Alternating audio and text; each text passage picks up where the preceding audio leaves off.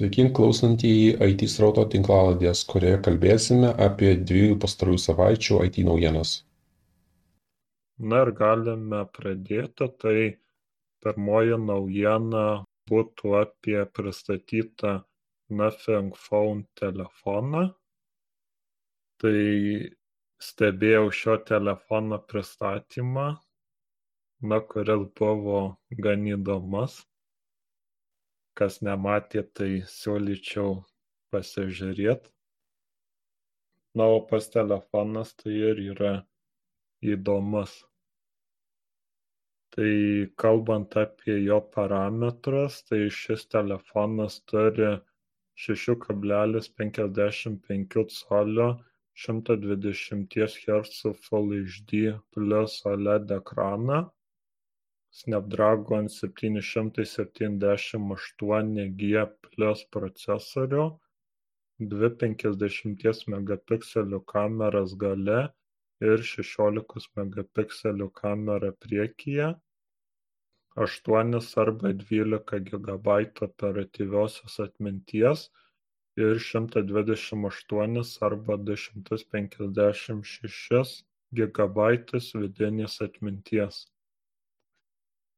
baterija yra keturių tūkstančių penkių šimtų miliamperų su penkiolika vatų belaidžiu įkrovimu taip pat turi IP53 atsparumo reitingą. Na ir kuo šis telefonas įsiskiria iš kitų, tai kad galiai yra šviesos diodai, kurie gali mirksėti, kai gaunate skambučius arba pulsuoti kai gaunate pranešimą. Taip pat kaip ir kraunate tai rodo kiek telefonas yra įkrautas. Na mano manymu tai yra gan įdomi idėja tai padaryt. Telefonas turi android dvylika su nothing os Jis gaus trejų metų Android atnaujinimus ir ketverių metų saugumo atnaujinimus.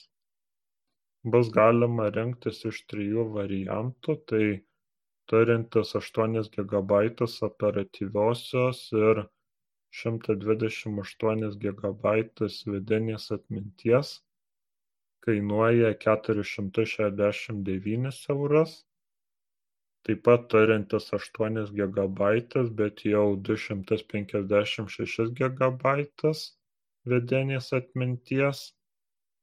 Kainuoja keturis šimtus devyniasdešimt devynis eurus. Ir brangiausias turintis dvylika gigabaitų operatyviosios ir du šimtus penkiasdešimt šešis gigabaitus vidinės atminties. Penkis šimtus keturiasdešimt devynis eurus kainuoja bus galima rinktis baltos arba juodos spalvos Na, galiu pasakyti, kad pristatymas tai buvo daugiau negu nieko. Ir kompanija pristatė neegzistuojantį telefoną, kadangi kompanija vadinasi niekas, tai jeigu niekas telefono nepagamino, tai reiškia telefonas neegzistuoja. Bet panašu, kad kažkas jį sukurs. Jo, įdomi čia. Na, taip, pavadinimas e, kompanijos tai yra mažų mažiausiai įdomus. Kaip ir e, pats telefonas, kuris, kaip, e, kaip jau ir sakėjai, turės diodus ant telefono nugarėlės. Jie tiesiog bando išsiskirti iš kitų. Na taip. Dar niekas nebuvo kažko panašaus padarę. Mm, iki dabar. Na ir telefono kaina gan normali. Pas penktą šimtą eurų tai nėra daug. Na, tai. Ir panašu, kad nebus Junktinėse Amerikos valstijose. Na ja.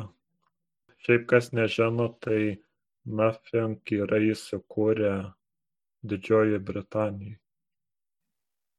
Mm, tai čia, kaip suprantu, bus tik tai Europoje. Jo, ko gero. Tai tą telefoną galima užsisakyti Nothing svetainį. ko gero tik ten ir pas gal galima užsisakyti, o parduotuvėse kažin ar atsiras jisai. Mm, aš irgi taip manau.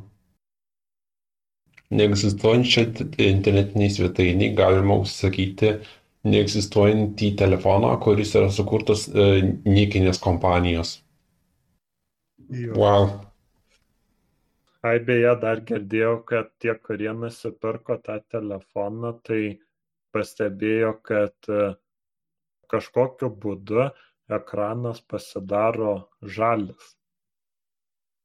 Nice defektas.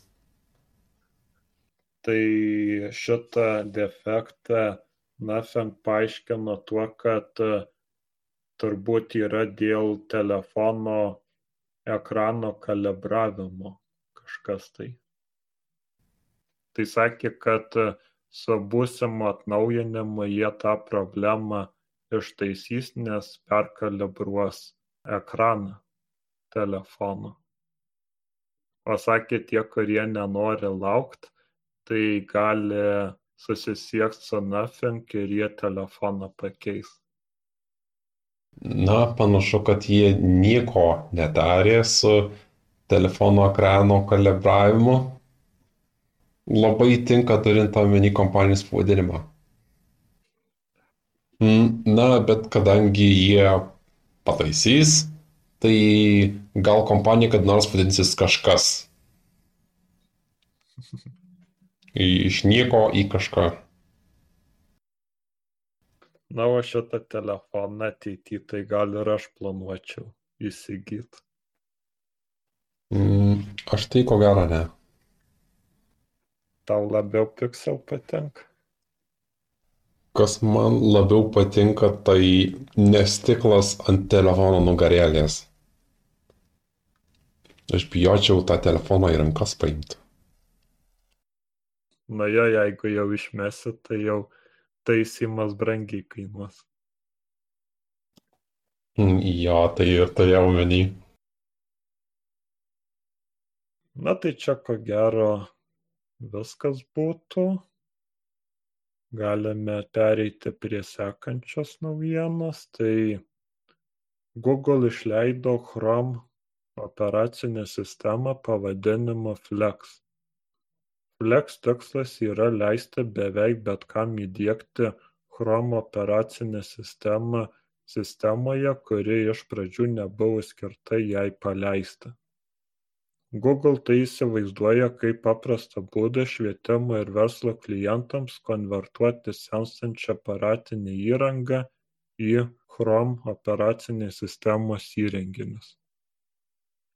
Tačiau dažnam vartotojui tai taip pat gali būti naudinga, nes dauguma iš mūsų ko gero turi seną nešiojamą ar stalinį kompiuterį, renkantį dalkę spintoje. Chrome operacinė sistema yra lengva, o aparatinei įrangai reikia mažai resursų, kad veiktų efektyviai, todėl ji gali įkvėpti naujos gyvybės senam kompiuteriui. Bendrovė teigia, kad ji sertifikavo daugiau nei 400 įrenginių skirtų darbui su Flex. Google tai taip pat siekia, kad Flex būtų dėgiama ir automobiliuose. Na ir ši operacinė sistema yra visiškai nemokama. Ja gali įdėkti praktiškai bet kas, kas atitinka minimalias reikalavimus. Tai Intel arba AMD 32 arba 64 bitų suderinamą įrenginį, 4 GB operatyviosios ir 16 GB vidinės atminties. Na, o norėdami sukurti dėgymo laikmeną, tai turite įdėkti Chromebook Recovery Utility iš Chrome internetinės parduotuvės. Žinai, kam dar bus labai tai patogu. Mm. Bet kam mokykloje, e, kas bandys paleisti Photoshopą ant Chrome OS Flex. Tai Hello Photoshop Touch. Tai Photoshop Touch e, yra na, yra Android. Statistinis lietuvis tikrai nedėks į savo nešiojimo kompiuterį e, Chrome OS Flex vien dėl to, nes e, Lietuvoje Windows labai gerai žinoma operacinė sistema. Ir bet kas, kas bandys statistiniam lietuviui padėti, sakys, e, kad daryti taip, kaip yra daroma Windows operacinė sistemoje. Ir dar tas, kuris nesidėgi Chrome OS Flex, turi prisiminti, kad jisai turi Chrome OS įsidėgęs, ne Windows. Tai Chrome OS ten tik Android programas galima paleisti. Man atrodo, kai kurias Linux programas irgi galima paleisti. Mhm. Na tai jeigu kas turit kokį seną kompiuterį, tai galit pasibandyti šitą operacinę sistemą. Toliau tada. Na ir ši naujiena bus puikia Symbian telefonų mėgėjams, kadangi HMD Global išleido Nokia 5710 Express Oreo telefoną, kuriame bus galima laikyti belaidas ausinės telefono viduje. Beje, belaidės ausinės tai bus dar pridedamos ir prie pačio telefono kas sakyčiau yra nuostabu nemokamos belaidės ausinės kartu su telefonu. Nu taip. Mm, šis telefonas turės 1450 mAh bateriją ir HMD teigia, kad šis telefonas e, galės išbūti 20 dienų laukimo režime ir galės ištverti 6 valandas pokalbių. Taip pat šis telefonas turės 3,5 mm garso jungtį, Bluetooth ir taip pat praplečiamą atmintį. Deja, aš nesuprantu, kodėl jie nusprendė naudoti Symbian. Nes visi, kas naudojo Symbian telefonus, žino, kad norint atnaujinti Symbian operacinę sistemą, tai reikia pirkti naują telefoną. Oficialiai čia. Mm. Tikėkime, kad HMD Global sugalvojo ką nors naujo. Šio telefono kaina yra maždaug 89 eurai ir jį galima įsigyti Junktinėje karalystėje. Na tai, kaip kalbėjai apie operacinę sistemą, tai kas įpirks, tai turbūt nelabai čia jiems rūpės tas atnaujinimas kažkoks tai. Nes reikia paminėti, kad šitas telefonas yra mygtukinis. Manau, kad Symbian telefonų fanai tikrai pirks. Manau, Symbian telefonų fanams reikia atnaujinimo. Tai gal kokį vieną ir išleis gal? Tai manau, kad išleis saugumo kokius naujinimus. Nu jo. Ir šitas telefonas turi tik tai 2,4 colio ekraną. Mm, labai didelis ekranas. jo. Na, manau, šį telefoną pirks tie, kurie nori muzikos grotuvų. Tai taip galės naudoti kaip muzikos grotuvą. Jo. Mm, prastusis Spotify man šito telefono. Nesu girdėjęs apie Spotify Symbian versiją. O tai Symbian tai ten panašiai kaip Androidas irgi gali įsidėkti aplikacijas. Tai taip yra programėlių parduotuvė, bet taip pat gali įsidėkti ir trečiųjų šalių aplikacijas, bet ten su sertifikatais reikia vargti, nes visos turi būti pasirašytos. Bent jau anksčiau tai būdavo, dabar nežinau, kaip su šita bus.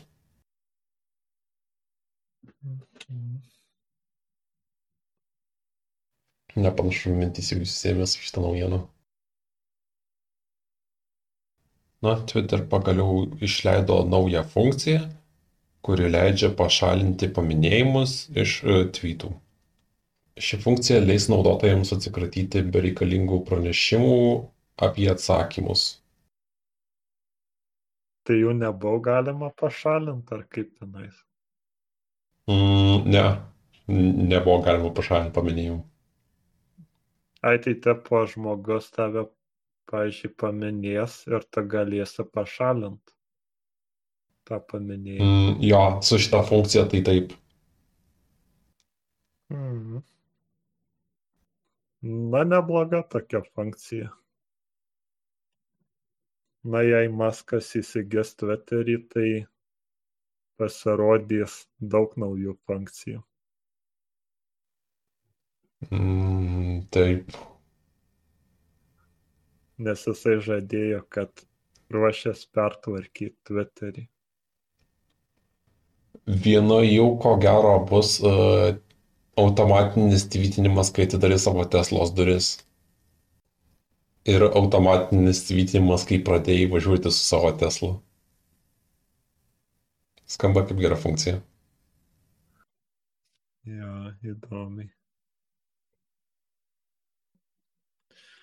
Taip, tai toliau sekanti, tai dabar galima savo surinktus Google Play taškus iškeisti į nuolaidų kodus Google parduotuvėje.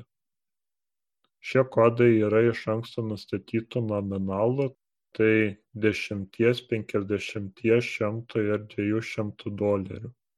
Jie kainuoja atitinkamai 500, 2500, 5000 ir 10 000 Play taškų.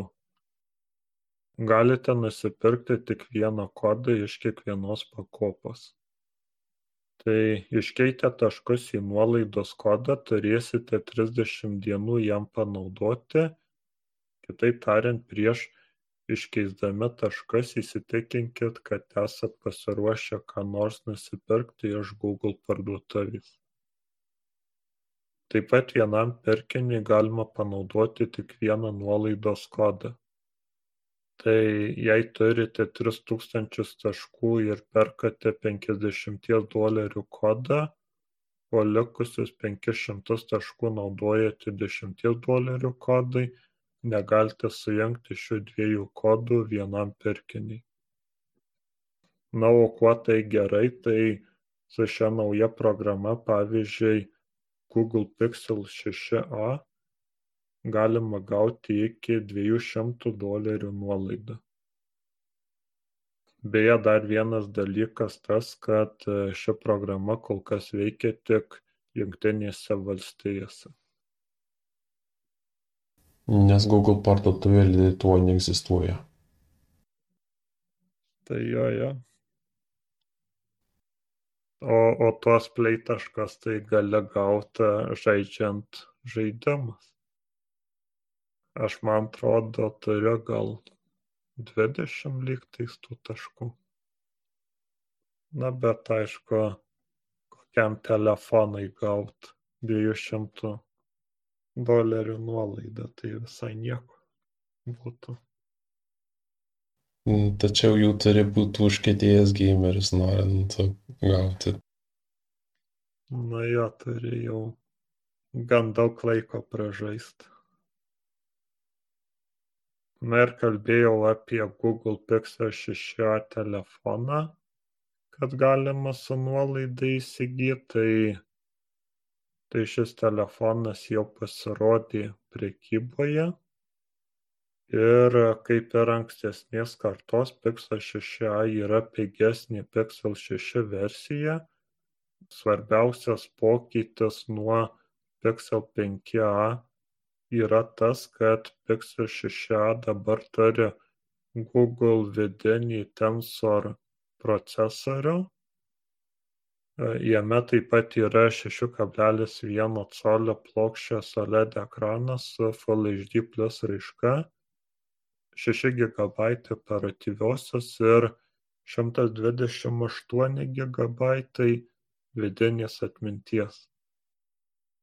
Jis turi dvylikos kablelis dviejų megapikselių pagrindinę kamerą dvylikos megapikselių itin plačią kamerą ir aštuonių megapikselių kamerą priekyje.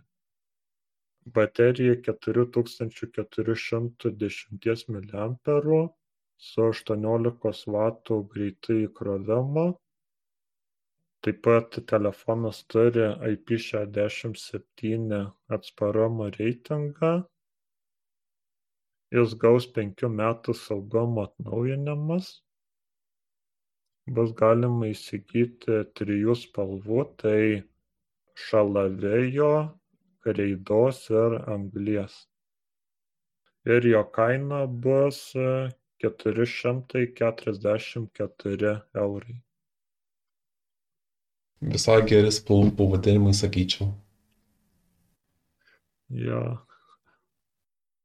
na lyginant su Pixel 5a tai šiek tiek yra patobulinimų. Mm, taip, tačiau ne tik spalvų, ne tik spalvose padavulė. Tai taip, taip. Na, o šiaip telefonas tai visai geras, kas nori Pixel telefono. Gan nebrangus ir geras. Na taip, Pixel telefonai yra ganėtinai geri. Jo. Na ir sekanti naujiena yra apie tai, kaip New Jersey technologijų instituto mokslininkai aptiko naują būdą, kaip demaskuoti anoniminius vartotojus, kurie naršo internete. Tai yra įmanoma naršyklės funkcijų analizės dėka ir e, ši analizė leidžia e, nustatyti, prie kurių servisų vartotojas yra prisijungęs. Mhm. Ir šitaka net ir veikia prieš Tor naršyklę. Deja, šią ataką ištaisyti yra ganėtinai sunku, nes reikia įtikinti naršyklių kuriejus, kad tai yra labai svarbi problema, kurią reikia kiek įmanoma greičiau pataisyti. Na taip. Ir kas svarbiausia, tai vartotojas apie tai net nežino nieko. Na, tai yra kasdienybė, kai naršai internete. E, dauguma vartotojų nežino apie tokio lygio sėkimą. Na taip. Na, e, Jungtinių Amerikos valstijų politikai išleido naują aktą, kuris vadinasi Not for Sale. Šis aktas uždraus kompanijoms sekti konkrečius naudotojus. Šis aktas neleis vyriausybei pirkti konkrečių naudotojų duomenų. Na, tipo pirko duomenis iš išmaniųjų telefonų naudotojų na, iš tų kompanijų, kur renka duomenis. Tai jie tai teisėtai daro, nes, na, nėra dar priimtas toks įstatymas, kad jie negalėtų renkti jų. Na, tokios įmonės labai gerai moka apeiti įstatymus. Tai čia net nereikia apeiti, tiesiog priimti įstatymą, kad tiesiog negalėtų parduoti tų duomenų nes dabar gali laisvai kam nori parduot. Mm, na, tai bus nelengva įstatymų kuriems, galiu pasakyti tiek. Taip. Neseniai atskleisti dokumentai parodė, kad Junktinių Amerikos valstijų vyriausybė dirbo kartu su kompanija pavadinimu Ventel, kuri rinko naudotojų duomenis iš populiarių išmanių telefonų aplikacijų. Ši kompanija šios duomenys surinkdavo ir siūlydavo visiems, kas norėtų šios duomenys pirkti.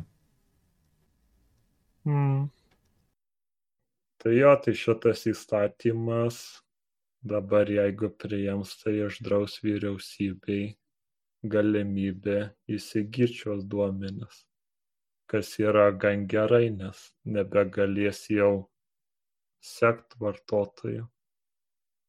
Reikės tam gauti leidimą. nes dabar tai nereikia jokio leidimo tam, tiesiog nusipirki ir jau turi duomenis. Taip toliau. Microsoft saugumo ir įmonės skyriaus viceprezidentas David Weston per Twitter pranešė, kad Windows 11 blokuos paskyras, kurias bandoma nulaužti brute force būdu.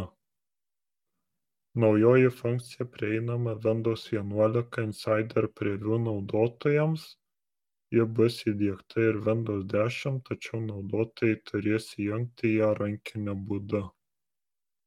Tai brute force atakos vykdomos naudojant specialius skriptus ir programas, skirtas generuoti milijonus slaptažodžių kombinacijų, siekiant gauti naudotojo prisijungimo duomenis. Naujoji funkcija veiksmingai nutrauks Windows vienuolika brute force atakas užblokuodama užpuolikus, kai tik jie sugeneruos pirmuosius dešimt slaptažodžio bandymų. Na, ką tu manai apie tai?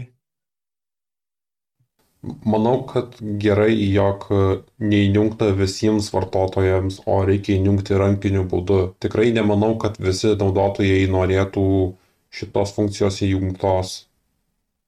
Tai čia rankinė būdu reikės įsijungti tik tiem, kas Windows 10 turi, o kas Windows 11 tai jau bus automatiškai įjungta. A, tipinis Microsoftas visiškai manęs nenustebino. Na, bet gal ši apsauga bus visai veiksminga. Mm, taip, bet pagalvok apie vartotojus, kurie suveda neteisingai savo slaptažodžius netyčia, pavyzdžiui. Na jo, ir tada užblokuos paskirą. Visiškai teisingai.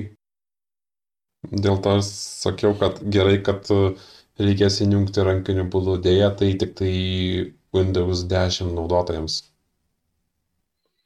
Jo, Esu tikras, kad e, kas nors ras, kaip išjungti šią funkciją Windows 11 vartotojams. Mm, tai išjungti galima. Jeigu galima įjungti, galima ir išjungti. Mm, tai be abejo.